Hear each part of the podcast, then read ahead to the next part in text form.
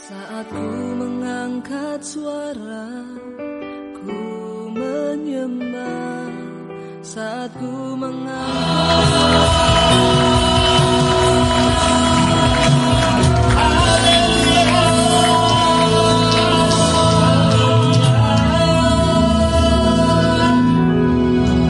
Kami tahu Engkau Tuhan yang tidak pernah berubah dalam hidup kami. Engkau Tuhan yang setia, tidak pernah meninggalkan kami. Terima kasih buat rencanamu yang indah atas hidup kami Tuhan. Ajar kami untuk terus hidup dalam rancanganmu Bapa. Karena kami tahu itulah kebahagiaan dalam hidup kami. Karena hidup ini bukanlah soal mencapai semua yang kami inginkan, tapi kami harus mencapai apa yang Tuhan inginkan dalam hidup kami. Urapi hambamu yang tidak ada apa-apanya, urapi setiap kami Tuhan. Kami mau tenangkan hati kami, jiwa kami di dalam Engkau malam hari ini. Biar isi kami dengan firman-Mu dan firman itu bertumbuh menghasilkan buah mengubah hidup kami Tuhan. Hanya di dalam nama Tuhan kami Yesus Kristus satu nama yang ajaib. Kami berdoa dan bersyukur. Sama-sama katakan. Amin. Amin. Silakan duduk Bapak Ibu yang terkasih. Shalom. Bagaimana kabarnya? Luar biasa. Iya, untuk yang akhirnya saya bisa berjumpa lagi dengan Bapak Ibu yang ada di tempat ini ya. Uh, apa sih tujuan kita ini menjadi orang percaya? Menjadi orang Kristen ya. Sekarang ada banyak orang itu yang keluar masuk gereja tapi nggak ngerti tujuan. Amin apa amin? Ya. ya. Saya ini ke gereja tiap hari minggu itu ngapain ya? Saya ini pelayan ngapain ya? Saya ini um, ikut Yesus itu ngapain ya? Saudara kalau kita mau menyadari hidup kita di dunia ini hanya 70 tahun kata Alkitab. Kalau lebih itu kebanggaannya sakit penyakit dan penderitaan. Artinya apa? Alkitab bilang kalau lebih dari 70 kebanggaannya. Orang itu kalau umur 30 ketemu teman kebanggaannya apa? Kerja apa sekarang? Oh saya sekarang jadi manajer. Oh sekarang saya sudah punya usaha Umur 30 ini Oh saya sekarang udah menikah Oh saya kebanggaannya yang diceritakan adalah semua yang dia capai Nanti mulai umur 40 Kalau ketemu kebanggaannya apa? Iya, iya puji Tuhan udah punya rumah tiga ya punya hotel empat. Ya punya ini punya. Kalau udah umur 70 ke atas apalagi 80 kalau ketemu kebanggaannya apa? Ya sa sakit. Orang tua tuh kalau ketemu gimana kabar? Aduh lutut ini loh. Aduh boyokku iki loh. Pegel ya. Jadi memang itu Alkitab berkata ya memang benar jadi sadarilah hidup kita di dunia ini sebenarnya nggak lama. Lalu untuk apa sih kita ini di dunia? Kenapa kita harus mengenal Tuhan? Saudara manusia itu terdiri dari tiga, yaitu tubuh, jiwa, dan roh. Tapi saya mau tanya, selama kita hidup di dunia ini, yang kita pikirin, yang kita utamakan itu yang mana? Halo? Tubuh kan semuanya untuk tubuh. Lo bener nggak? Kita cari duit untuk apa? Tubuh ya biar bisa makan, bisa punya pakaian, bisa punya mobil, bisa punya rumah, bisa punya ini, semua tubuh loh. Dan tidak sedikit dari manusia yang akhirnya masuk kepada tekanan mereka depresi, stres hanya karena kebutuhan apa? Tubuh kan, daging kita kan.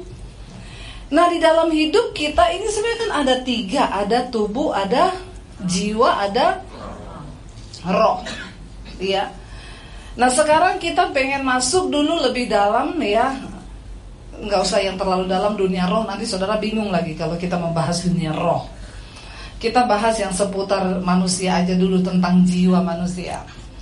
Di dalam jiwa kita itu ada tiga yaitu pikiran perasaan dan kehendak. Saya mau tanya dulu saudara. Kalau manusia mati kalau orang itu mati tubuhnya ke mana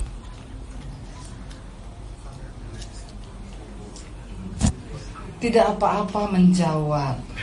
Kalau salah saya tidak hukum, kalau benar juga saya tidak kasih sepeda. Hmm, jadi jawab saja. Kalau kita mati tubuh kita ke mana? Jadi tak kembali ke tanah. Ya, padahal kita ini hidup selalu memikirkan tubuh. Padahal kalau kita mati tubuh kembali ke tanah. Lalu roh kita ke mana?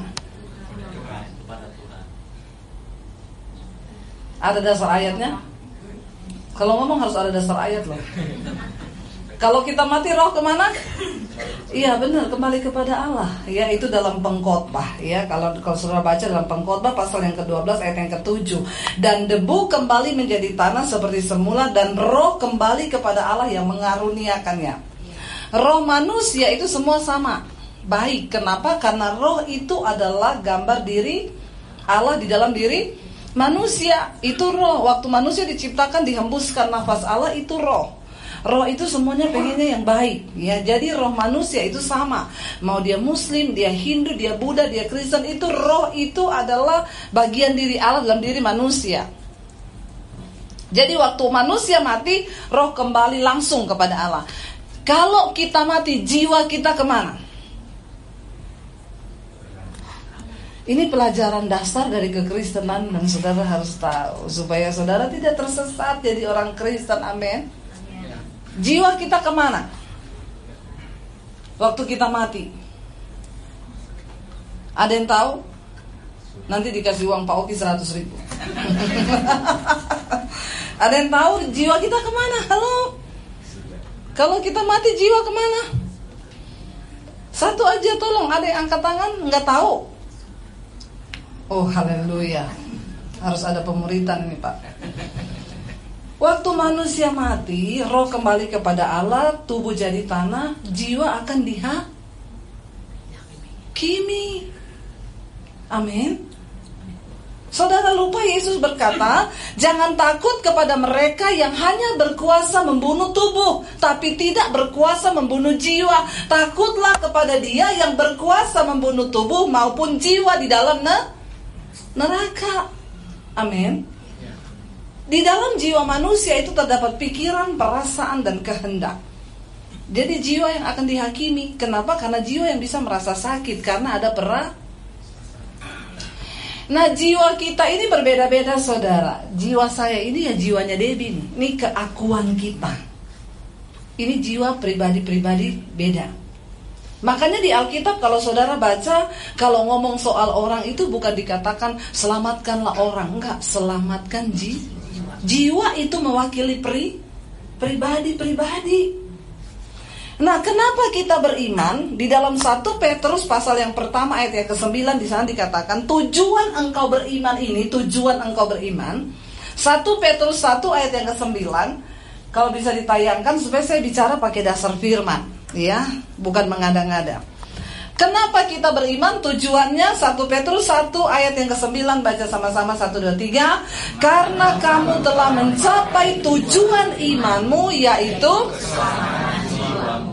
Jadi tujuan kita beriman supaya jiwa kita se selamat. Bukan tubuh, tubuh jadi tanah. Roh kembali kepada Allah, tapi jiwa ini loh yang harus diselamatkan. Nah di dalam jiwa manusia itu ada pikiran, perasaan dan kehendak. Inilah yang bikin kita tuh stres, depresi, tertekan karena ada di sini nih. Di dalam jiwa. Saudara, di dalam Roma pasal yang ke-12 ayat yang per, ayat yang pertama, ayat yang kedua langsung saya bacakan. Ini ayat hafalan. Janganlah kamu menjadi serupa dengan dunia ini, tetapi berubahlah oleh pembaharuan budimu. Budi itu terdapat di mana? Di jiwa, pikiran. Ya.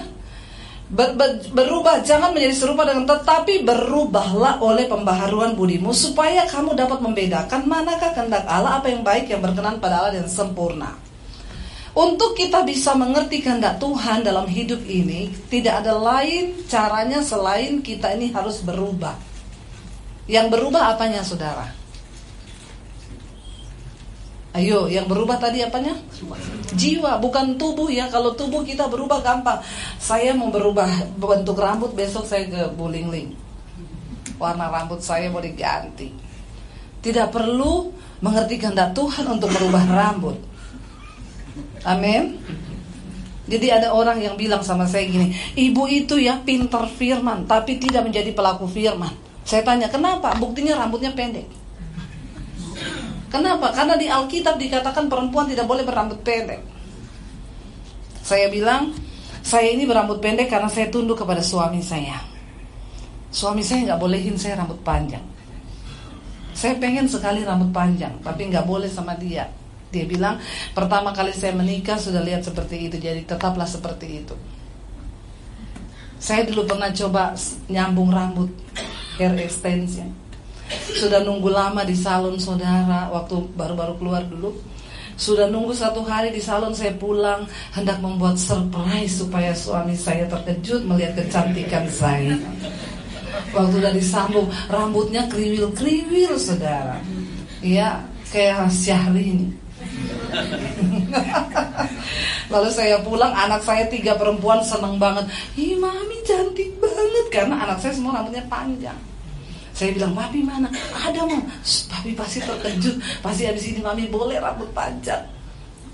Begitu dia keluar, dia lihat saya, saya bilang, halo say. Dia teriak, ah, kayak bencong.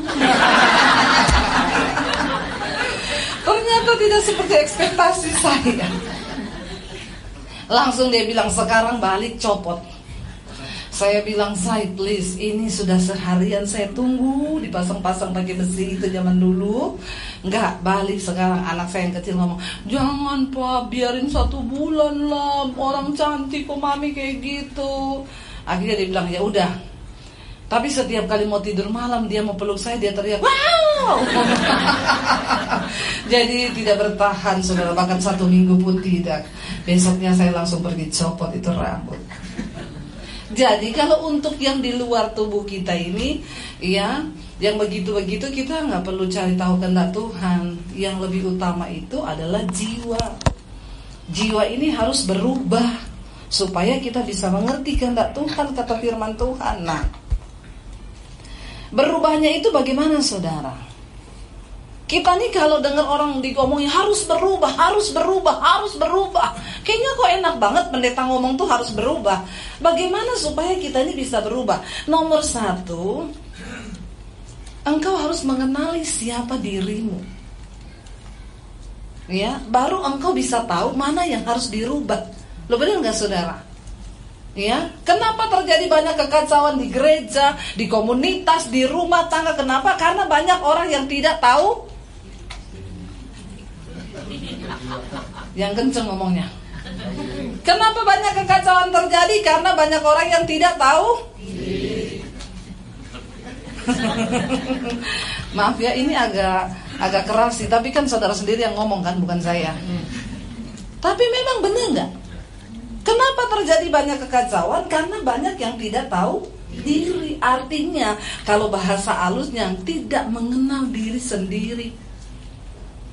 Nah bagaimana kita bisa mengenal sendiri? Saya ini akhir-akhir ini lagi belajar belajar tentang psikolog saudara. Kenapa? Karena saya ini berhadapan dengan jemaat Setiap hari saya konselingin orang itu saudara Itu saya berhadapan dengan jiwa Dulu saya berpikir gini Enak saya bilang sama suami gini saya Enak banget ya orang Solo, Jogja, Magelang Sukabumi Sukabumi ini juga halus-halus kan saya tadi ke rumahnya Bu Yaya itu, Yaya itu ngomong, gini loh Bu Devi, jadi kita ini, halo sekali saudara ya. Saya tuh bingung, ada manusia-manusia halus seperti itu. Kenapa saya tidak? saya dulu pernah bilang sama suami saya, nah kalau Tuhan tuh melihat karakter dari halus atau tidaknya orang, berarti kan yang masuk surga ini cuma orang Jawa semua. Bener nggak? Kasihan tuh orang Sulawesi, orang Ambon, orang Manado, itu kasar-kasar semua saudara. Saya juga nggak tahu ya uh, orang Manado, orang daerah Indonesia bagian timur itu tuh karakternya kasar-kasar saudara. Ya, tapi Indonesia bagian sini ini barat ya, alus-alus. Nah saya mempelajari, kenapa bisa seperti itu? Saudara, kalau kita lihat gunung, ya gunung itu segitiga, yang di atas puncaknya ini itu namanya personality ini tuh bisa berubah. Itu tidak asli. Personality itu adalah kepintaran orang membangun membangun sifatnya tapi tergantung situasi dan kondisi. Makanya ada orang bisa bilang itu kalau di gereja bu rohani sekali, kalau di rumah karena personalitinya bagus. Itu bisa berubah-ubah, tidak dijamin. Yang di tengah-tengah gunung itu namanya temperamen. Itu kepribadian dasar kita lahir, ada yang namanya temperamen. Semua orang berbeda-beda. Kalau saya warnanya merah, saudara harus tahu loh warna saudara apa. Supaya engkau tahu. Iya, saya pakai istilah ini aja biar lebih gampang dengernya ya. Saya ini merah, jadi saya tahu diri saya. Orang merah itu kolerik, saudara. Kolerik itu dia punya bakat kepemimpinan. Ya, jadi maunya cepat tergesa-gesa walaupun kadang salah. Pokoknya cepat dulu. Bahaya memang. Ada bagusnya, ada nggak bagusnya. Nah, suami saya itu hijau. Hijau itu flegma, tenang, damai. Nyaris tak terdengar. Karena dia orang Solo.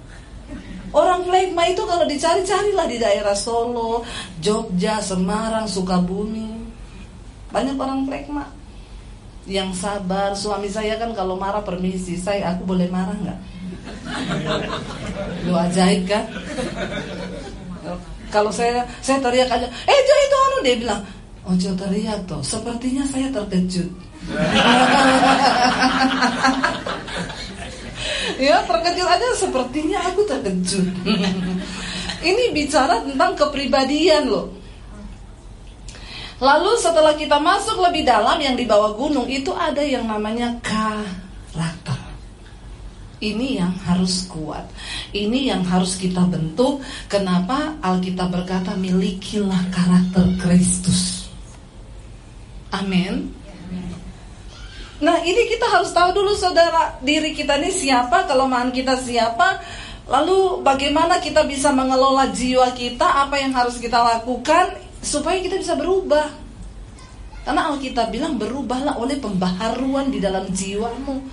Saya kemarin wawancarain satu orang transgender. Nanti saudara lihat di channel YouTube saya. Yang belum subscribe, tolong subscribe. Kalau nggak ngerti subscribe, subscriber subscriber lah gitu ya.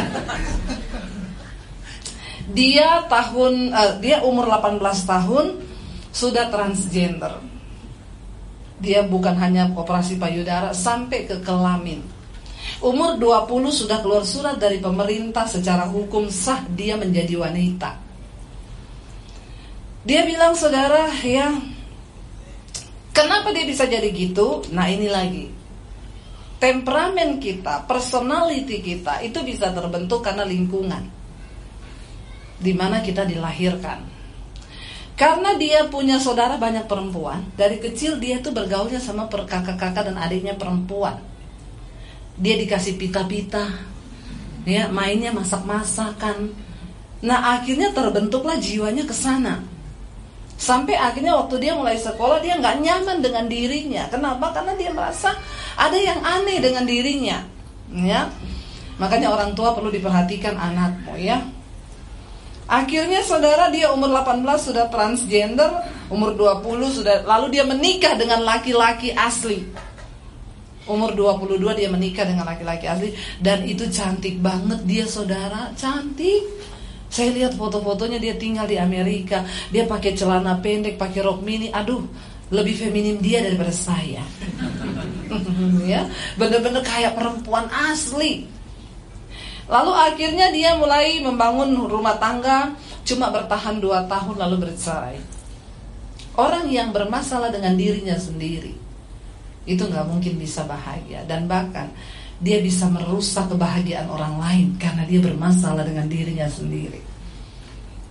Makanya hamba Tuhan tuh perlu beres. Kalau enggak dia akan jadi masalah buat banyak orang. Kita akan melayani banyak jiwa loh Kalau kita sendiri bermasalah bahaya saudara. Lalu akhirnya dia uh, pacaran lagi dengan cowok lalu putus lagi kecewa sampai berapa kali akhirnya dia stres dengan hidup. Tubuhnya sudah berubah tapi jiwanya masih sakit. Makanya nggak bahagia. Orang mau operasi plastik sampai kapan pun dia mau operasi sampai seperti apa Kalau jiwanya sakit Dia nggak akan pernah puas dengan dirinya yang kita butuhkan adalah kesembuhan jiwa. Waktu jiwa kita sembuh, maka kita bisa menerima tubuh kita. Amin. Kenapa orang sibuk, oplas sibuk, ini permak, ini permak itu tapi nggak pernah dan itu makin ketagihan. Kenapa? Jiwanya yang bermasalah. Lalu dia karena jiwanya bermasalah sakit, dia pindah ke agama seberang. Dia umroh pakai jilbab karena dia pikir di sana dia akan menemukan kedamaian. Ternyata makin stres, saudara. Makin stres, makin stres. Akhirnya satu kali dia berbalik lagi ke Kristen. Kalau dia ke gereja, dia dia dijamah Tuhan, jiwanya dijam, dilawat Tuhan, dijamah Roh Kudus, lalu dia mulai masuk ke gereja. Lalu mulai pelayanan sebagai pendoa. Tidak ada satu orang pun yang tahu kalau dia itu laki-laki. Dia pakai rok cantik, rambutnya panjang, nggak nggak kelihatan laki-laki. Semua panggil bu, iya mari bu, masuk bu. Waktu dia mulai mengenal Tuhan, dia mulai mendengar firman. Alkitab firman Tuhan bilang, firman Tuhan ini berkuasa. Ya. Dia bahkan bisa memisahkan antara jiwa dan roh. Ingat saudara, perkataan firman itu sanggup memulihkan jiwa. Waktu dia terus dengar firman, dia terus dengar firman, dia mulai sadar bahwa jiwanya sakit sudah ke gereja menjadi pendoa. Kalau engkau sekalipun ke gereja bertahun-tahun puluhan tahun engkau jadi pendoa, jadi pendeta, jadi gembala sekalipun kalau jiwamu sakit, engkau akan terus bermasalah. Bermasalah dan bikin masalah. Lalu dia bilang, saudara dia mulai merasa ada yang salah. Siapa yang bisa membuat dia sadar seperti itu? Fir, firman. Kuasa roh kudus lewat firman Tuhan. Dia mulai merasa aku ini ada yang gak beres. Aku bisa menut, membohongi semua orang bahwa aku perempuan. Tapi aku tidak akan pernah bisa membohongi diriku sendiri. Bahwa identitasku yang dilahirkan oleh Tuhan ke dunia ini. Aku adalah seorang laki-laki. Padahal udah transgender, kurang apa? Ya, tapi jiwa itu saudara berbicara. Akhirnya dia bilang satu malam lagi dia galau, jiwanya mulai menyuruh dia untuk terbuka, kasih tahu kamu keluar dari kemunafikan ini. Kamu nggak bisa sembunyi karena kamu akan tertekan sendiri. Roh Kudus mulai melawat dia. Malam itu juga dia ketok pintu rumah pendetanya. Pak pendeta, Pak pendeta dibuka. Kenapa Pak? Saya mau pengakuan dosa Pak. Kenapa? Saya menipu selama ini. Kenapa bu? Loh. Kenapa bu? Pak, saya ini laki-laki. Pendetanya malah kaget. Ah, bercanda loh ibu ini karena memang cantik saudara. Nanti ya saudara lihat ya foto-fotonya cantik banget beneran saya nggak bohong. Nggak ada sedikit pun kelihatan dia tuh cowok. Ah ibu ini bercanda beneran pak saya transgender. Lalu Pak saya nggak sejahtera Bapaknya itu ngomong pertama gini ya Kalau memang ibu sudah sejahteranya begitu Ya nggak apa-apa bu gitu aja Enggak saya nggak mau Ada sesuatu yang menuduh di dalam diri saya Bahwa ini nggak benar. Malam itu juga dia pergi cari salon saudara. Buat apa? Potong rambut. Padahal rambutnya kriwil-kriwil kayak ibu. Nih yang kuning yang kriwil-kriwil itu ya. Sayang kan kalau dipotong kan saudara? Tapi dia pergi cari. Malam-malam. Dia bilang ibu bayangkan iblis itu memang gak seneng bu. Orang mau berubah. Saya cari salon malam-malam mau mau masuk ke salon tuh nggak ada parkiran penuh semua. Lalu saya cari taksi bu. Saya parkir mobil saya di pinggir jalan, saya cari taksi, saya pikir biar saya turun dari taksi, saya langsung lari. Begitu mau turun, hujan deras banget dan petir menyambar-nyambar. Tapi saya bilang enggak, saya mau bertobat Tuhan. Dia masuk ke salon dipotong cowok saudara Habis potong cowok Dia pulang dia berdoa Dari situ dia mulai kasih tahu ke orang-orang Dia kasih tahu ke anak Ke cucu-cucunya Kalau uh, kalau apa cucu-cucu dari uh, kakak-kakaknya gitu ya Yang selama ini panggil dia oma Ya dia cerita bahwa saya ini Laki-laki gini-gini Akhirnya dia bertobat Dia bersaksi ke mana-mana Bulan Oktober kemarin dia baru habis angkat payudara. Dioperasi lagi, dikembalikan seperti semula, tetapi untuk kelamin sudah tidak bisa. Tapi dia bilang, nggak apa-apa. Tapi aku menemukan identitasku. Aku adalah seorang laki-laki. Ya, saudara lihat loh, sampai yang seperti itu tuh Tuhan bisa ubahkan loh saudara. Kalau jiwanya itu menyadari. Ada satu hal yang yang saya kemarin dapat jawaban saudara. Selama ini kan yang tadi saya bilang orang Solo, Jogja, orang Jawa itu enak banget karakternya bagus, gini-gini. Kenapa ya kepribadian mereka memang itu dari lahir? Kemarin saya ke Surabaya. Saya di Surabaya dijemput teman saya setelah makan dia bilang Bu Dewi kita doakan teman saya ya. Iya, yuk. Dia nggak ngomong sama temennya kalau dia mau bawa saya.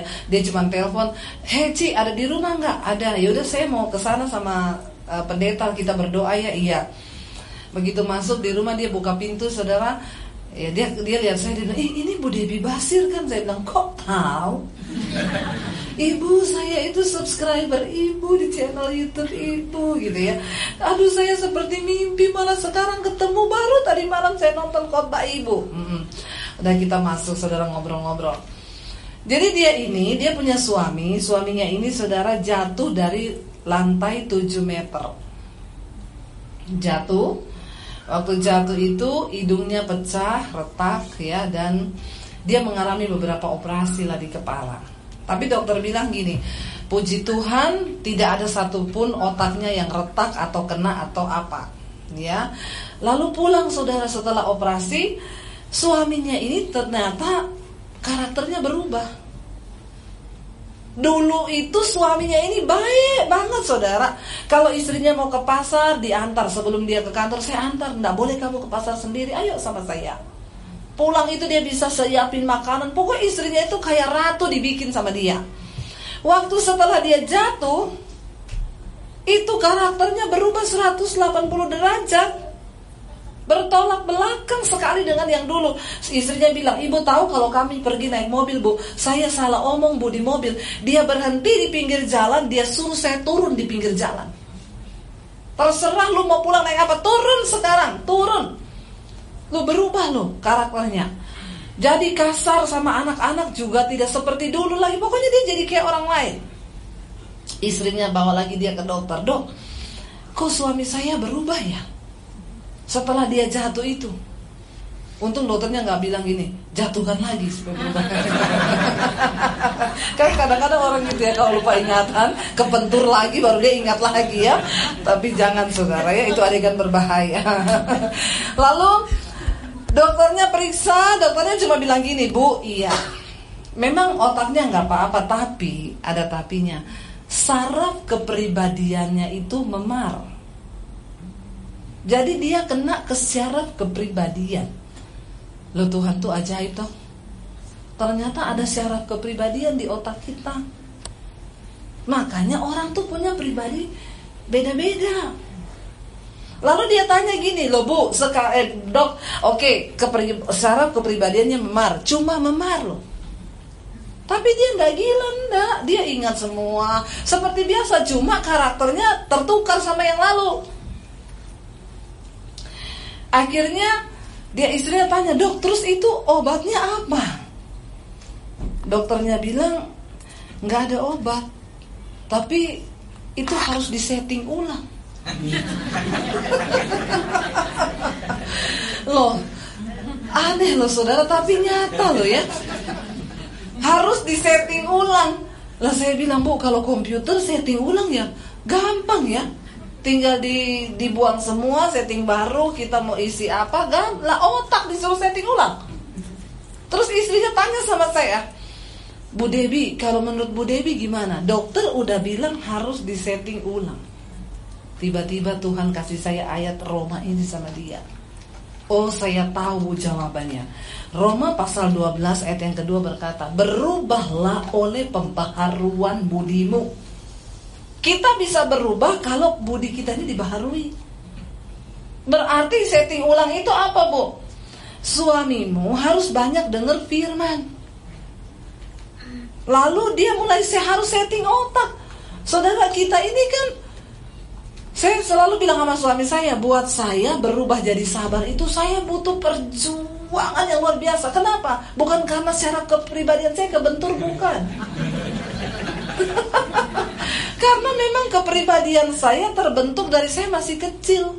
Orang Sulawesi itu kalau ngomong nadanya tinggi, teriak-teriak, dikit-dikit emosi. Nah itu terekam di alam bawah sadar kita. Lalu karakter kita terbentuk sesuai apa yang tersimpan di alam bawah sadar. Saudara percayalah, hidup kita ini 90% dikendalikan oleh alam bawah sadar. Cuma 10% itu alam sadar. Orang kalau nyetir pertama, saya tuh kadang kalau sama suami saya gini, Ayo non kita berangkat lebih cepat ke sana. Kenapa? Aku tuh belum pernah nyetir ke sana. Jadi benar-benar harus konsen. Dia pakai alam sadar. Tapi kalau sudah beberapa kali dia nyetir ke sana, dia pakai alam bawah sadar. Oh, abis ini belok, abis ini kanan, abis ini udah nggak terlalu pakai yang sadar lagi. Nah, kenapa kita ada di sini untuk mendengarkan firman? Kita sedang mengisi alam bawah sadar kita dengan fir firman. Saya bisa tahu di sini muka-muka yang menangkap khotbah saya dengan alam bawah sadar dan dengan alam sadar. ya. Yang menangkap dengan alam bawah sadar itu benar-benar gini.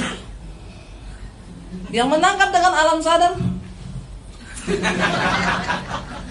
ya, ini mesti pulang nggak ingat apa-apa. Benar saudara.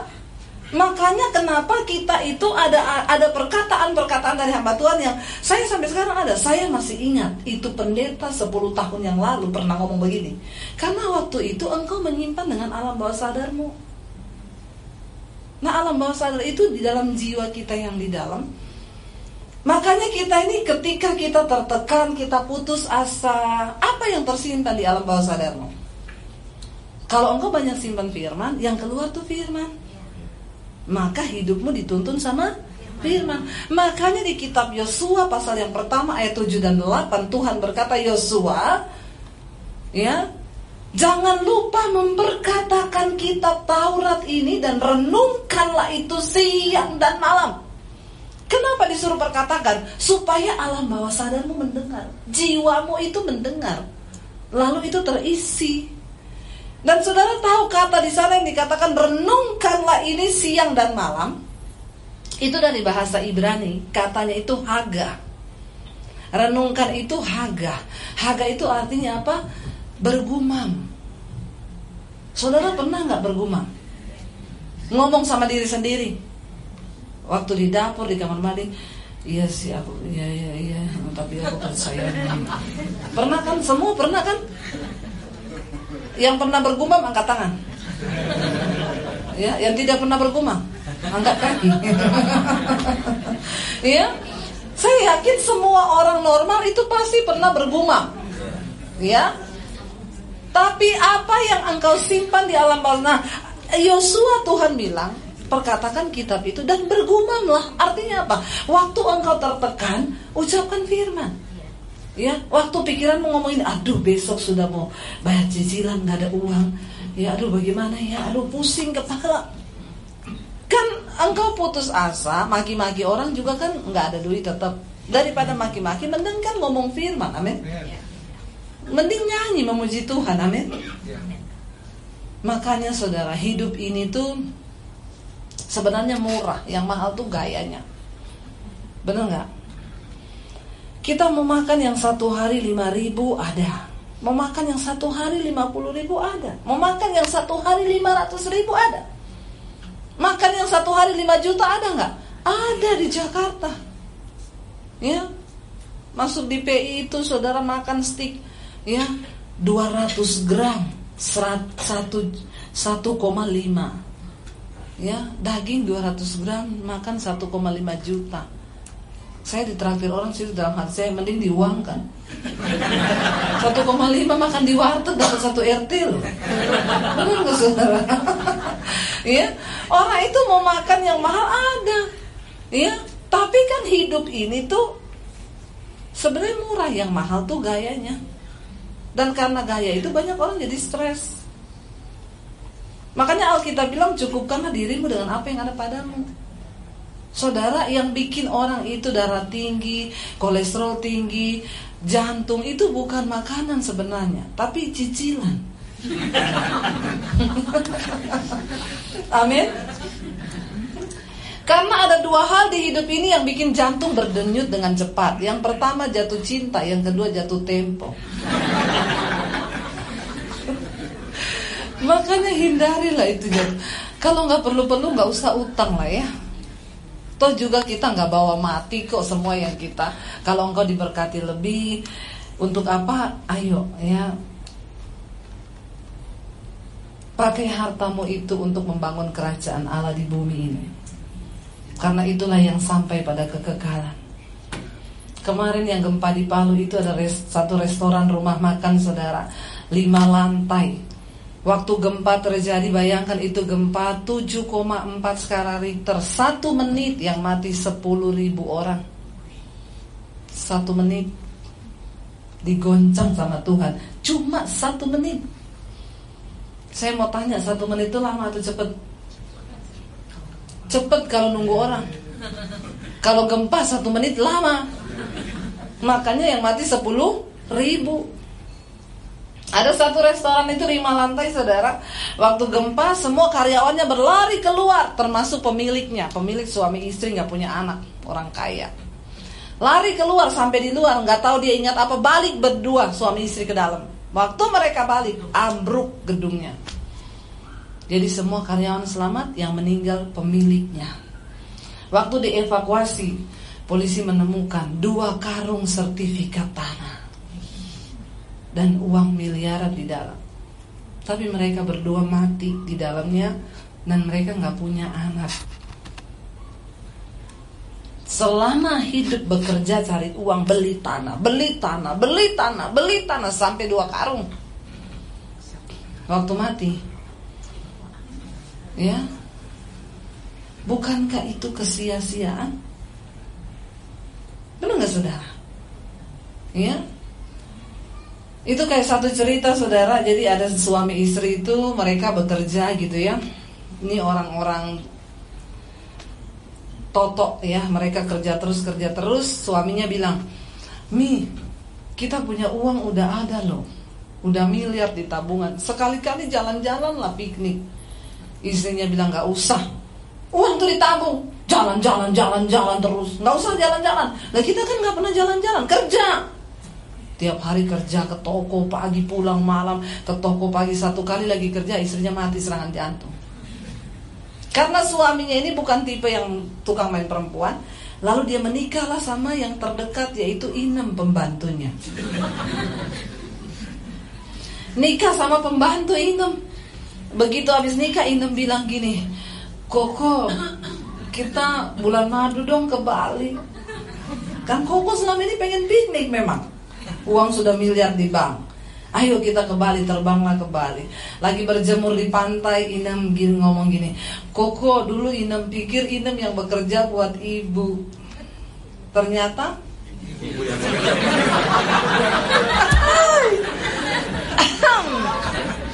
itu adalah kesia-sia.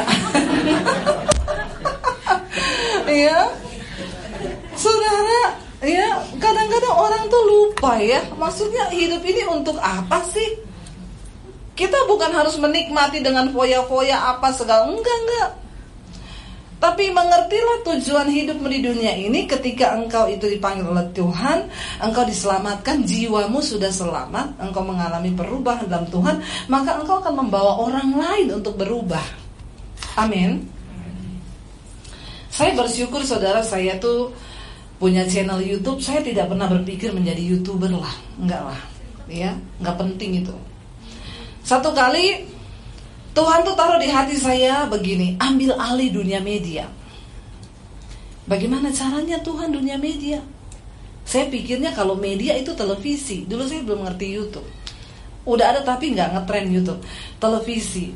Jadi saya tanya beberapa teman yang kerja di televisi, gimana ya kalau bikin acara di TV? Ibu harus syuting dulu 10 episode. Ya minimal ibu harus sudah punya 10 episode lalu kasih ke kita. Tapi standarnya harus standar TV lightingnya uh, syutingannya. Jadi ibu sewa studio kita aja supaya nggak ulang-ulang. Satu kali sewa satu episode 6 juta. Berarti kalau saya mau bikin 10 60 juta. Aduh mahal sekali ya. Mau ambil alih dunia media ya sudah. Terus itu udah pasti keterima belum? Belum. Itu kita akan lihat dulu acaranya masuk apa enggak. Ya kalau gitu sudah. Saya melupakan. Beberapa TV minta saya untuk khotbah rutin. Dari Good TV TV TV kabel yang dari Korea tapi mereka juga punya cabang di Indonesia di Jakarta. Saya syuting. Saya pikir oh sudah Tuhan. Saya sudah ambil dunia media. Ternyata suara itu bicara terus satu kali saya pelayanan di Bali, ya, karena Tuhan bilang gini, media itu sekarang benar-benar dipakai iblis untuk menghancurkan banyak orang. Sekarang dunia ada dalam genggaman. Banyak sekali orang bercerai gara-gara handphone. Bener nggak? Mulai dari yang suami tukang main game. Kemarin saya konseling orang, Bu, suami saya tiap hari main game terus nggak pernah kerja. Ibu saya stres lihat suami saya. Ibu tahu saya yang kerja banting tulang akhirnya saya usir dia kemarin. Tolonglah suami-suami ya. Sekarang bukan cuma ibu-ibu yang terikat dengan HP, ini suami-suami juga. Bangun pagi langsung cari HP. Jujur nggak bangun pagi kita gini-gini kan? Yang dicari apa? HP bertobat. Kalau nggak yang begitu ibu suami saya selingkuh bu sejak dia pegang HP. Memang ini media benar-benar saudara. Jadi setan sekarang bukan lagi pocongan kuntilanak kenderuwo yang begitu sudah tidak muncul, bener nggak? Saudara nggak bakal lihat lagi yang kalau begitu. Kenapa? Udah kalah pamor. Dia sembunyi aja di gudang-gudang tua dicari sama sutradara sama kameramen. Bener nggak? Sekarang kan laku tuh acara yang masuk di rumah kosong. Kenapa? Cari setan. Di syuting loh. Ya, sampai setan bengong, setan bilang, memang udah mau kiamat. Kenapa kata setan? Bukan kita yang ganggu manusia loh, manusia yang ganggu kita. Kata setan, tidak ada tempat aman lagi bagi kita di dunia ini. Setan bilang sama Tuhan, aku udah gak mau jadi setan Tuhan. Kenapa? Manusia lebih setan dari setan. Aduh, bertobat kita ya. Setan bilang, bertobat kau. Mengerikan loh saudara. Kenapa? Karena memang sekarang ini yang enak-enak itu yang menghamba manusia. Lalu akhirnya saya ke Bali diundang pelayanan. Saya ketemu saudara janjian kita di satu kafe saya sama mami saya. Eh mereka lagi ada syuting-syuting di kafe itu di kolam renang. Kebetulan produsernya duduk di samping meja saya Dia pegang laptop Saya tanya Pak lagi bikin apa? Bikin siaran TV Bu Oh buat TV di mana? SCTV? Oh bukan Bu kita uh, TV di YouTube. Terus saya bilang, oh bisa ada TV di YouTube. Loh ibu tuh salah, sekarang artis-artis semua beralih ke YouTube. Kenapa YouTube itu lintas negara, lintas budaya, lintas agama? Dia benar-benar mendunia. Kalau lintas planet juga bisa, mungkin bisa. Alien pada nonton kita. Lalu saya tanya sama dia gini, kan dia lagi pegang laptop di situ. Oh gitu ya. Berarti saya bisa ya bikin channel YouTube ya. Saudara tahu mukanya dia gini. Dia tuh melihat saya aduh miring banget ya ngajak berantem mukanya. Saya cuma bilang gitu loh, saya cuma bilang berarti saya bisa bikin channel YouTube dia gini. Ya, semua orang juga bisa, tergantung kontennya apa. Saya bilang biasa aja kali mukanya. orang cuma tanya, dia begitu saudara. Lalu karena dia lagi buka-buka laptop di situ buka YouTube, jadi saya bilang gini, Pak, coba ketik nama saya di situ. Dia lihat di saya lagi, siapa? Agak jengkel juga sih ya. Saya sebut Delta Eko berapa berapa Yankee, Debbie Basjir diketik sama dia, Debbie Basjir klik dicari, muncul banyak banget saudara. Terus dia bilang gini, ibu, ini ada yang nonton punya ibu 200 ribu lebih loh. Saya gini. Bukan mau sombong ya. Cuma agak sedikit angkuh. Lalu dia bilang, ih bisa banget nih, berarti ibu udah punya nama di Youtube. Oh berarti bisa ya Pak ya, biasa aja. Iya bisa loh Bu. Saya pulang saya bilang sama suami saya, saya ini yang Tuhan maksud ambil alih dunia media. Saya cerita sama dia, mereka itu bikin TV di YouTube loh. Ternyata benar sekarang Hotman Paris, Raffi Ahmad, wah itu penghasilannya miliar loh dari YouTube. Akhirnya bikin suami saya tayangkan khotbah pertama, wih yang nonton ribuan saudara. Satu minggu subscribe naik seribu, dua ribu, tiga ribu, empat ribu, lima ribu, enam ribu, tujuh ribu. Puji Tuhan sih kemarin sudah dapat selamat dari YouTube. Anda adalah mitra kerja YouTube. Jadi kalau saudara buka khotbah saya jangan heran ada iklan di dalamnya. Dan ada yang melarang ini bu, jangan dikasih iklan dong. Masa khotbah pakai iklan? Saya bilang, emang lu bayar perpuluhan? Haleluya. Jangan dong egois banget. Saya ini tidak terima perpuluhan loh. Saya ini kan gembala YouTube. Tidak ada perpuluhan buat saya. Enggak bercanda saudara ya. Masa yang sedikit lah dapat berkat. Saya juga nggak bakal jadi konglomerat lah dari iklan itu ya. Tapi saya melihat saudara. Begitu di YouTube tayang saya kasih nomor HP tuh. Ada orang-orang gini Ibu saya sangat diberkati. Boleh nggak minta nomor HP Saya kasih nomor HP saya. Bayangkan kalau khotbah saya sekali tayang Ada yang nonton mau 100 ribu Saya kasih nomor HP Makanya HP saya kemarin bunyi-bunyi sendiri. Error Gara-gara yang konseling saudara Itu WA masuk ting ting ting ting ting ting. Saya kadang kalau balas itu mau tidur malam Karena waktunya di situ saya baru mau tidur malam. Tidur malam. Jadi kalau tidur malam tuh suami saya tanya Eh non itu anu Aku lagi balas-balas Ini orang konseling. Dia bilang tapi aku mau ngomong Nanti aja. Nggak lama HP saya masuk saya, Ting dia WA Shalom Bu Debi. Saya balas iya kenapa ya Pak? Saya mau konseling Bu. Istri saya mencuekin saya. Saya bilang mungkin uangnya kurang Pak Jadi saudara. Ya itu tapi saya melihat ya puji Tuhan tuh Tuhan ya sampai ada yang tanya gini saya nggak yakin WA kan saya nggak yakin kalau ini benar nomornya Bu Debi. Dia minta HP saya di inbox YouTube. Bu saya minta nomor HP ibu saya mau konseling saya kasihlah nomor HP saya. Eh WA saya gini saya nggak yakin kalau ini Bu Debi. Pasti ini ofisialnya atau sekretarisnya. Maaf ya saya ini mau buka uh, persoalan pribadi kalau ini official saya nggak mau. Saya bilang ini saya Debbie Basir. Enggak, saya nggak percaya. Saya telepon saudara. Saya pencet nanti dia angkat halo. Halo Shalom 123321 bertobatlah sebab kerajaan Allah sudah.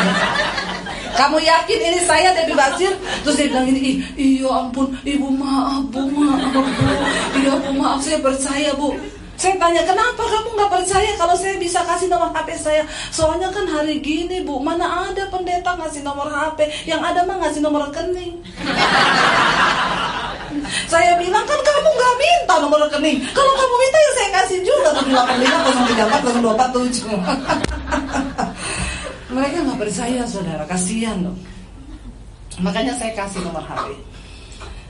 Satu kali saya ini yang saya mau saksikan. Ada satu orang laki-laki inbox saya di WA, Bu Shalom.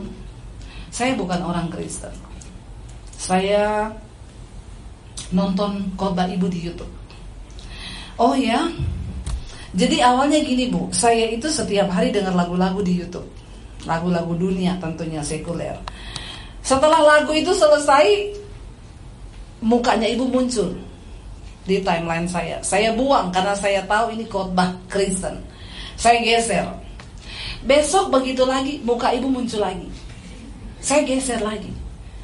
Berminggu-minggu bahkan berbulan-bulan mukanya ibu muncul terus. Sampai saya penasaran, akhirnya saya klik tik.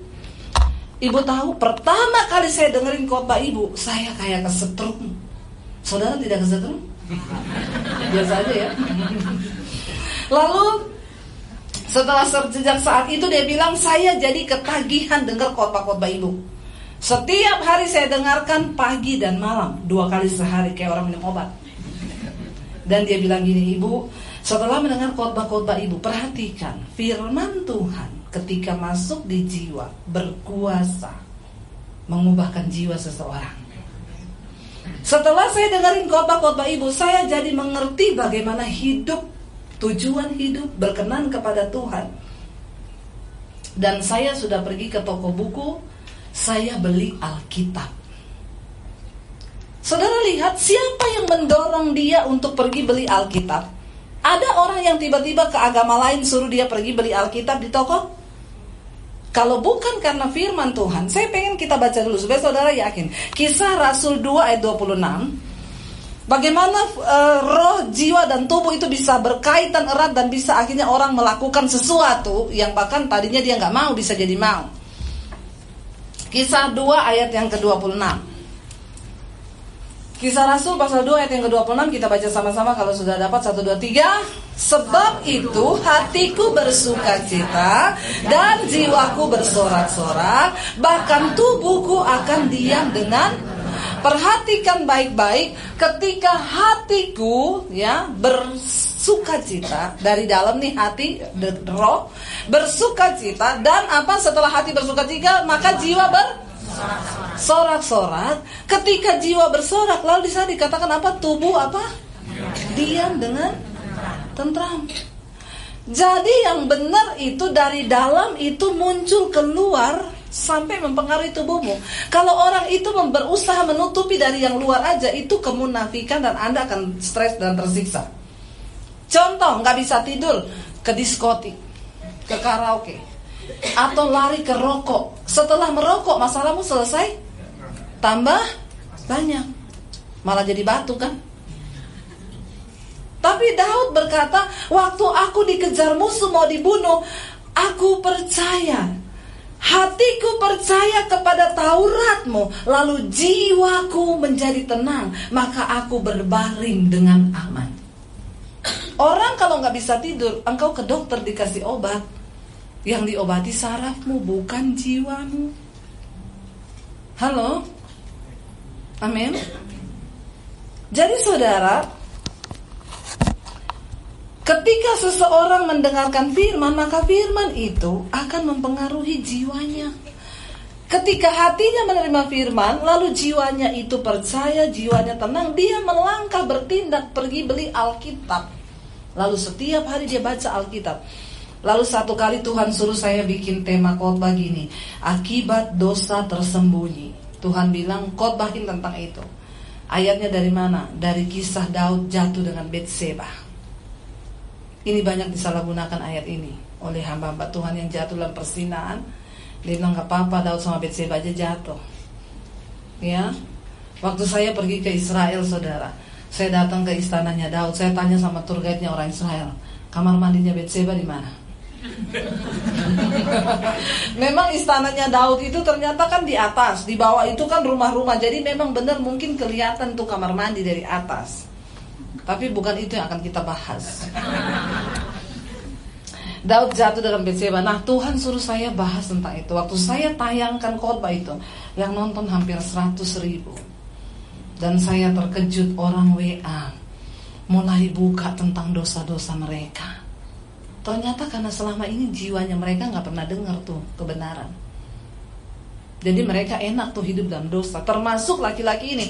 Lalu dia bilang gini Ibu saya kemarin nonton khotbah ibu yang judulnya Akibat dosa tersembunyi. Ibu saya mau pengakuan dosa. Jiwa saya nggak tenang bu. Saya disuruh harus ngomong ke ibu. Ibu saya mau pengakuan. Saya seorang homoseksual. Apa yang harus saya lakukan?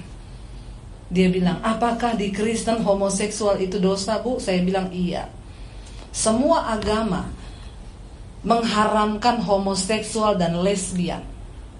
Kenapa bu? Karena saya bilang Tuhan menciptakan kodrat ilahi itu laki-laki sama perempuan, jantan sama betina. Saya tanya dia, kamu pernah lihat nggak ada kucing jantan naksir sama kucing jantan?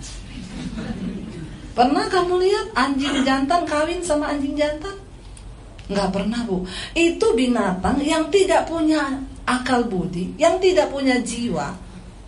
Ya, itu bisa ngerti kodrat ilahi itu jantan sama betina. Lah masa ada manusia yang diciptakan dengan akal budi lalu bisa menghalalkan segala cara? Itu kamu menentang kodrat ilahi dan itu dosanya dimurkai Tuhan. Makanya Tuhan bilang tidak masuk surga itu banci, pemburit, itu tidak mendapat bagian dalam kerajaan Allah. Lalu dia bilang gini, Bu, pertanyaan saya berikutnya, apakah seorang homo bisa sembuh? Saya bilang kalau engkau bertanya kepada saya maka saya bilang bagi Tuhan tidak ada yang mustahil. Tapi semua orang bilang gak bisa, bisa. Jangan blok mentalmu, jangan blok jiwamu dengan perkataan orang yang berkata itu gak bisa. Bilang bisa bersama Tuhan. Kenapa? Karena Tuhan tidak cari orang yang mampu, Tuhan cari orang yang mau. Ketika engkau mau, maka Tuhan akan menyembuhkan. Makanya tadi saya bilang, kita ini harus sadar dulu bahwa kita ini sakit. Kalau kita nggak merasa kita sakit, ya kita bagaimana mungkin diubahkan. Benar nggak saudara? Lalu akhirnya dia bilang, oke bu, saya ini kan jauh bu, saya di Bali. Bagaimana caranya saya bisa menghubungi ibu supaya ibu mendoakan saya? Saya bilang kamu nggak perlu ketemu saya. Tidak ada pendeta hebat yang bisa tumpang tangan sama kamu atau tumpang kaki, lalu kamu sembuh, nggak bisa. Lalu bagaimana bu? Imanmu lah yang akan menyelamatkan engkau. Saya mau ajar saudara supaya jadi jemaat yang dewasa. Jangan cari-cari pendeta terus, amin. Nanti saya capek. ya, bayangkan kalau saya harus layani 100 orang setiap hari 100 orang saya setiap hari konselingin orang loh saudara. Ya, dan kalau saya ini tidak punya jiwa yang kuat, saya juga bisa depresi. Kenapa? Itu sampahnya orang semua yang saya timbun. timbun. Lo bener nggak? Yang heboh lagi ibu-ibu, Bu Devi suami saya selingkuh. Ibu tolong doakan suami saya, Bu puasa buat suami saya. Emang itu lakinya siapa? Kenapa kau suruh-suruh saya berdoa buat suamimu? Suami saya saja jarang saya doakan. Karena dia sudah bisa berdoa sendiri. Lah jangan, saya bilang tidak ada doa dari pendeta yang terhebat mana pun buat seorang suami kecuali doa i, ya istrinya lah. Tolong jadi jemaat yang dewasa, amin. Ya. Dia di Bali. Gini ya, mulai hari ini perkatakan kepada jiwamu ya, perkatakan firman Tuhan, ngomong dalam nama Yesus, hai jiwaku dengar, aku diciptakan sebagai seorang laki-laki dan firman Tuhan berkata, semua roh yang bukan dari Tuhan itu berasal dari iblis, keluar dari dalam diriku roh omo, roh banci di dalam nama Yesus. Kenapa Daud memerintahkan jiwanya? Hai jiwaku, pujilah Tuhan. Ketika Daud dikejar-kejar anaknya mau dibunuh, dia dikejar beribu-ribu orang mau dibunuh, saudara. Raja Saul mengejar Daud untuk membunuh dia. Coba kalau saudara disuruh Jokowi kejar saudara hari malam ini mau dibunuh, saudara gimana jiwamu?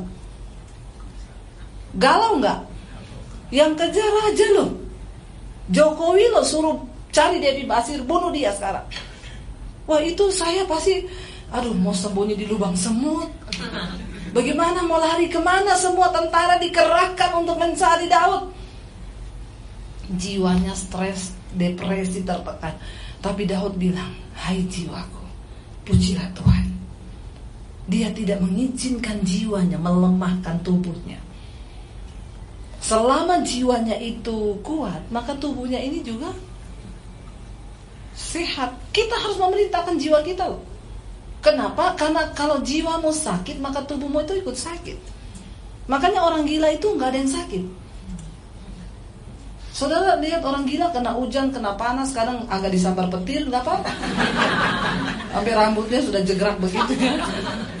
Nggak pernah sakit orang gila itu kenapa? Jiwanya itu sudah tidak berfungsi. Ya saking udah jebol, ya udah terlalu akhirnya jadi gila itu malah nggak sakit. Dia makan sampah, bener nggak? Ya, nggak pernah saya lihat di rumah sakit orang gila diare. Pernah nggak saya lihat orang gila diare? Belum pernah loh. Karena memang dari jiwanya itu udah nggak ada rasa apa-apa. Tapi jangan mau gila loh. Kita harus punya jiwa yang sehat. Daud perintahkan. Saya bilang sama dia, perintahkan kepada jiwamu. Lalu dia mulai berdoa tiap hari. Dalam nama Yesus. semua roh yang bukan dari Allah homo banci keluar dari dalam diri saudara tahu satu bulan kemudian dia telepon saya Bu Dedi iya. Bu benar Bu. Setelah saya mengucapkan itu selama satu bulan jiwanya menangkap. Alam bawah sadarnya. Itu yang namanya disetting ulang. Amin. Setting ulang berubahlah oleh pembaharuan budimu supaya engkau dapat membedakan mana kehendak Allah, apa yang baik, yang berkenan kepada Allah dan yang sempurna. Yang merokok malam ini, jangan tanya bagaimana caranya bu supaya saya bisa berhenti merokok. Kalau engkau mau merokok gampang, putar apinya taruh di bibir. Lakukan itu tiga kali saja, pasti engkau berhenti merokok karena bibirmu melepuh. Caranya berhenti merokok bagaimana? Engkau harus menyeting ulang secara otakmu, alam bawah sadarmu. Perkatakan, aku bisa. Tante saya malam itu juga berhenti loh dari rokok. Dia perkatakan berhenti dalam nama Yesus. Stop. Stop loh.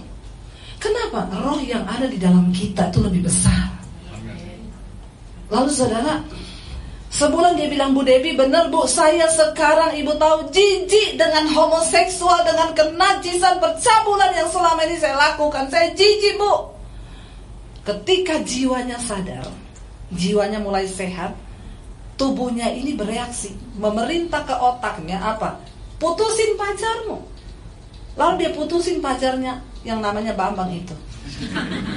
Tuhan ciptakan Adam dan Hawa Bukan Adam dan Joko dia putusin pacarnya itu. Lalu tindakan yang kedua dia bilang apa bu? Saya sekarang sudah keluar dari komunitas gay di Bali. Saudara lihat, ketika tubuh, ketika hatiku bersuka cita, maka jiwaku bersorak, lalu tubuhku aman, tentram. Waktu rohmu menangkap sesuatu dari Tuhan, jiwamu itu dicuci, disetting ulang, dicuci otak kalau orang bilang. Itu kan orang ditangkap dicuci otak itu yang suruh dibom, itu kan setting ulang otak. Nanti dapat 72 bidadari. Saya tuh bingung ajaran ini, kenapa bisa ada begitu saudara ini karena yaitu tadi sarafnya memar. Harus dibetulkan lagi ke tembok ini kalau begini ya. Tapi saudara me menyadarkan orang begitu mudah nggak? Enggak. Kenapa? Karena memang sudah disetting di programnya seperti itu. Lalu dia tinggalkan komunitas gaynya dan sekarang dia sampai dia bilang gini, Ibu Debi, Ibu di Jakarta gerejanya di mana Bu? Ibu mengembalakan, saya mau pindah ke Jakarta. Saya mau tinggalkan tempat ini. Itu yang yang Tuhan bilang lari dari situ, lari. Kamu nggak bisa berdiam di situ, lari. Saya seorang dokter Bu, dokter loh. Dan ganteng saudara. Ya, ayo saudara, kita mau berubah. Coba kita baca satu ayat lagi. Mau berapa ayat hari ini? Ya. Kita baca Yakobus 5 ayat yang ke-20.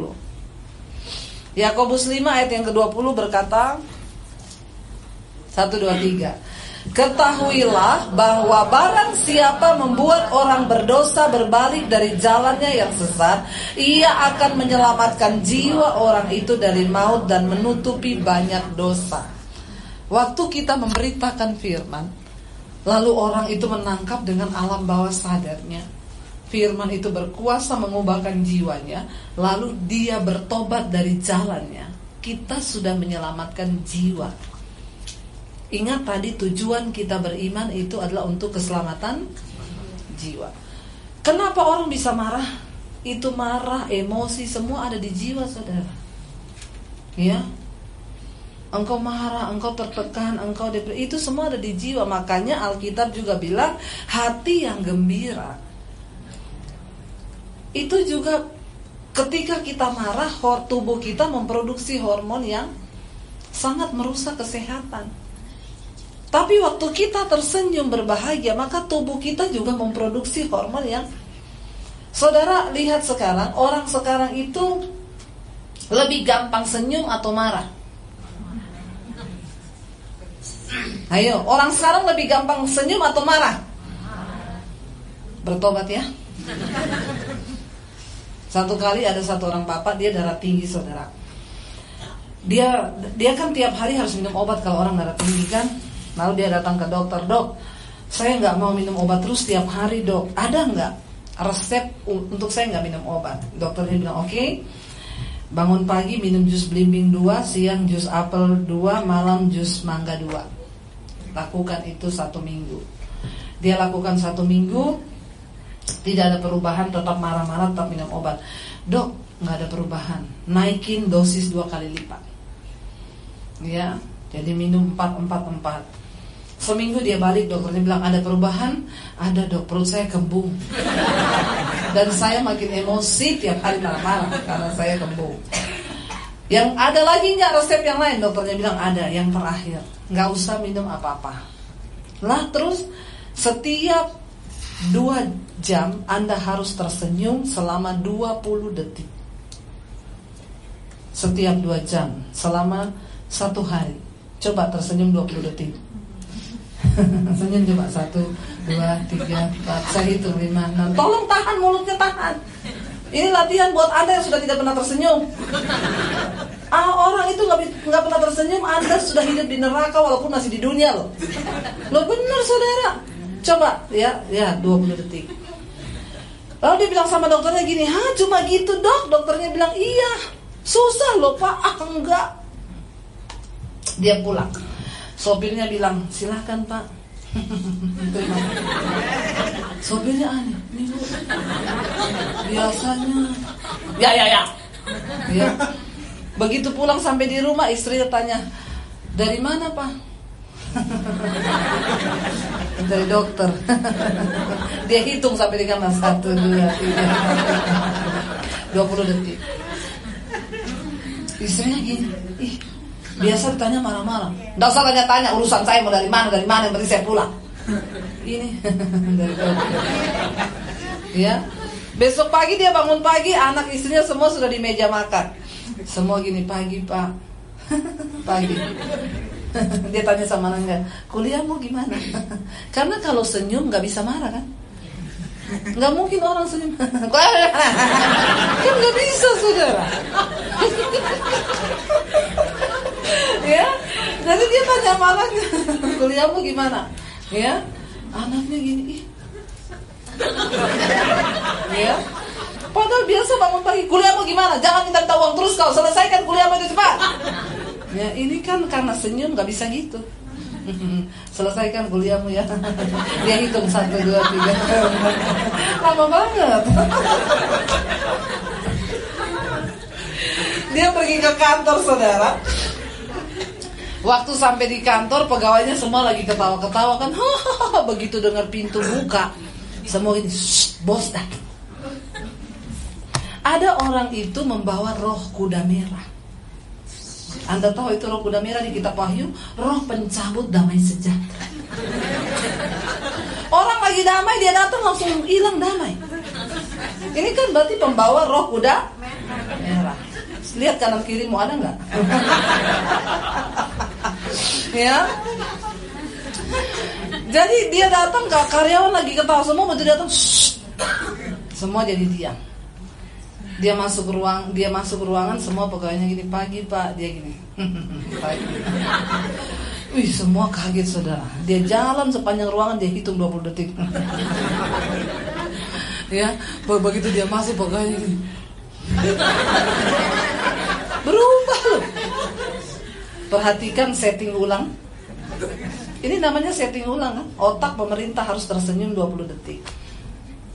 Sampai di dalam ruangan Pegawainya ketok pintu. Ini saat yang paling mendebarkan. Karena apa? Laporan keuangan. Wah di sini biasa dia kalau ada salah angka dia teriak goblok. Pegawainya ketuk pintu udah gemetaran buka pak pagi mau bawa laporan keuangan. Iya silakan duduk. Ini pak tolong diperiksa dia periksa. ada tanggal yang ada ada satu angka salah. Ini kenapa salah ya goblok ya? goblok, goblok.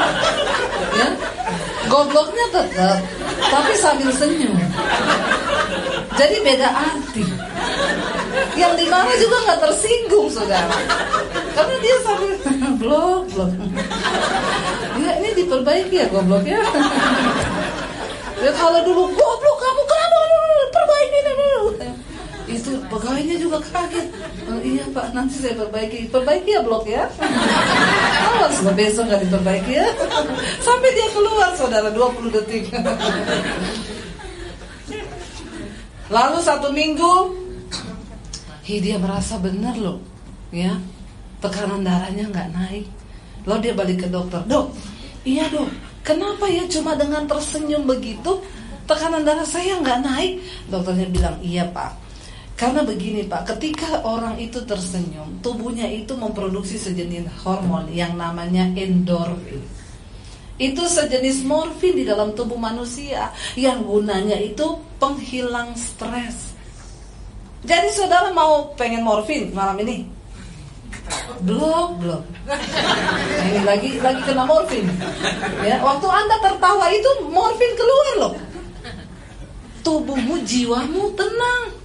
Sebaliknya ketika orang marah-marah, tubuhnya memproduksi hormon beracun yang bikin tubuhmu jadi sakit dan tertekan jiwamu. Ya, jadi saudara, ya, dan benar Alkitab bilang hati yang gembira itu obat yang tapi semangat yang patah bikin osteoporosis. Benar kan? Mau minum anlen satu truk juga kalau tiap hari bersungut-sungut di rumah, nggak ada damai sejahtera, maka penyakit datang. Hei, hidup ini singkat. Untuk apa punya uang? Kalau kita nggak bisa menikmati dalam damai sejahtera, kebenaran damai sejahtera dan sukacita oleh Roh Kudus. Ayo kita semua kejar ini, saudara. Mari sehatkan jiwamu, rumah tanggamu berbahagia. Ada uang, gak ada uang, tetap tersenyum. Amin. Jangan terlalu bikin berat hidup ya. Kenapa? Karena uang itu tidak dibawa. Tapi nggak ada uang bawaannya. Oh. Saya baru mau coba mempermainkan kata Anda sudah tertipu loh. Ya, uang tidak dibawa, mati. Nggak ada uang bawaannya. Oh. Enggak ya, nggak ada uang, Jangan sampai mau mati ya. Hidup ini adalah ketika kita mensyukuri apa yang kita masih miliki dan ingat hidupmu ke depan kita nggak pernah tahu sampai kapan kita hidup. Kemarin ada pendeta di Jakarta yang lagi khotbah tentang kematian, lalu dia jatuh dan meninggal. Lagi khotbah tentang kematian, makanya saya agak-agak takut juga khotbah soal kematian. Enggak, enggak perlu takut kalau sudah waktunya. Alkitab bilang mati itu un untung. Siapa yang mau untung? Nggak yang angkat tangan. Padahal ngerti loh mati itu keuntungan. Ditanya sampai mau untung gak ada yang mau. Ya, jadi saudara kita nggak perlu takut dengan yang namanya kematian. Orang itu mau sehebat apa pun jaga hidup, jaga kesehatan. Kalau sudah waktunya nggak peduli, ya boleh jaga kesehatan, tapi jangan lupa jaga kesehatan jiwamu. Kenapa? Karena kalau kita mati nanti jiwa yang akan dipertanggungjawabkan. Engkau jaga kesehatan itu cuma masalah tubuh aja kan? Benar nggak? Saya tutup dengan ini. Saya ketemu satu kali satu orang bapak ya ulang tahun umurnya berapa? 105 Panjang nggak? Panjang Rahasianya apa pak? Sejak umur 40 tidak makan lemak-lemak, nggak makan gorengan, nggak minum gula, nggak makan yang berkarbo, cuma minum air putih, sayur, buah, hidup sehat. Makan ikan dan lain-lain. 105. Jadi sekarang mau didoakan apa pak? Doakan biar mati. Lah dari umur 40 nggak makan apa-apa kan biar pengen umur panjang. Lo sekarang dikasih panjang kenapa pengen mati? Dia bilang istri saya udah mati. Anak saya udah mati. Mantu saya udah mati. Saya udah mati-mati. ya. Jadi saya bilang sabar Pak. Tunggu waktunya. Nanti di absen. Saya berdoa tapi tidak berdoa buat dia mati Ya, minggu depannya saya diundang ya ke ulang tahun Bu Debi, ulang tahun oma saya ya kata seorang ibu-ibu khotbah ya, omanya Bu, oh, masih ada, omanya ada. Sampai sana omanya duduk di kursi umur berapa? 102 tahun. Wih, 102 tahun oma. Masih sehat. Saya tanya, "Oma, rahasia umur panjangnya apa?" Dia jawab, minum Coca-Cola sama es batu. Saya pikir ini oma pikun pasti. Saya panggil cucunya, bu sini bu. Kayaknya omanya pikun. Kenapa? Saya tanya rahasia umur panjangnya apa? Dia bilang minum Coca-Cola sama es batu. Cucunya bilang, bener Bu Debi, itu tiap makan dari muda pasti sama Coca-Cola dan es batu. Ih, terus dia diet apa gitu? Ada minum ginseng apa apa? Enggak, semua dimakan. Sampai 101? Iya. Jadi saya tanya, Oma, mau didoakan apa sekarang? Satu saja Bu Pendeta pengen mati. Saya ketemu orang yang umurnya 100 tahun, mintanya didoakan semua pengen Makanya kalau berdoa umur panjang jangan terlalu panjang-panjang. Amin saudara. Bikin susah loh. Ketemu saya minta didoakan supaya mati. Ya saya kan nggak mungkin berdoa dalam nama Yesus matilah kau. Kan nggak bisa kan saudara. Ya doakan minta berkat bisa lo doakan mati masa ada mati kau mati. Kalau nggak mati mari kita masuk ke kolam renang ibu. Ya, terus kita rendam dia agak lama di situ ya. Kita baptis 15 menit, lalu dia buka mata langsung di rumah bapak di surga. kan ya nggak bisa. Makanya kalau berdoa tuh tolong saudara jangan terlalu minta panjang-panjang. Rempong kalau nggak mati-mati. Karena ternyata kematian itu juga salah satu anugerah Tuhan. Karena orang kalau nggak mati-mati susah loh. Amin apa amin? Jadi ya itu tadi yang saya cuma bilang Ya, mari kita ini jangan cuma sibuk yang kita bangun-bangun ini manusia tubuh kita. Ya, kita lupa membangun manusia jiwa nih kita. Hari ini saudara sudah tadi mendengar firman-firman. Baca satu lagi nih biar biar mantap saudara ya. Mari kita lihat di dalam 1 Tesalonika 5 ayat yang ke-23. Saya undang para imam musik maju ke depan. 1 Tesalonika 5 ayat yang ke-23 berkata begini, semoga apa? Allah damai sejahtera menguduskan kamu seluruhnya dan semoga apa? roh, jiwa dan tubuhmu apa terpelihara sempurna dengan tak bercacat pada kedatangan Yesus Kristus Tuhan kita. Ingat, waktu Tuhan Yesus datang kali yang kedua, kita semua harus roh, jiwa, tubuh terpelihara sempurna tanpa cacat.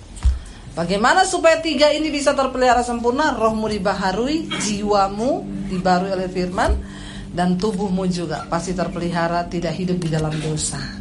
Mari kita bangkit berdiri bersama. Kita naikkan pujian jiwaku terbuka di hadapanmu Tuhan. Jiwaku terbuka untukmu Tuhan.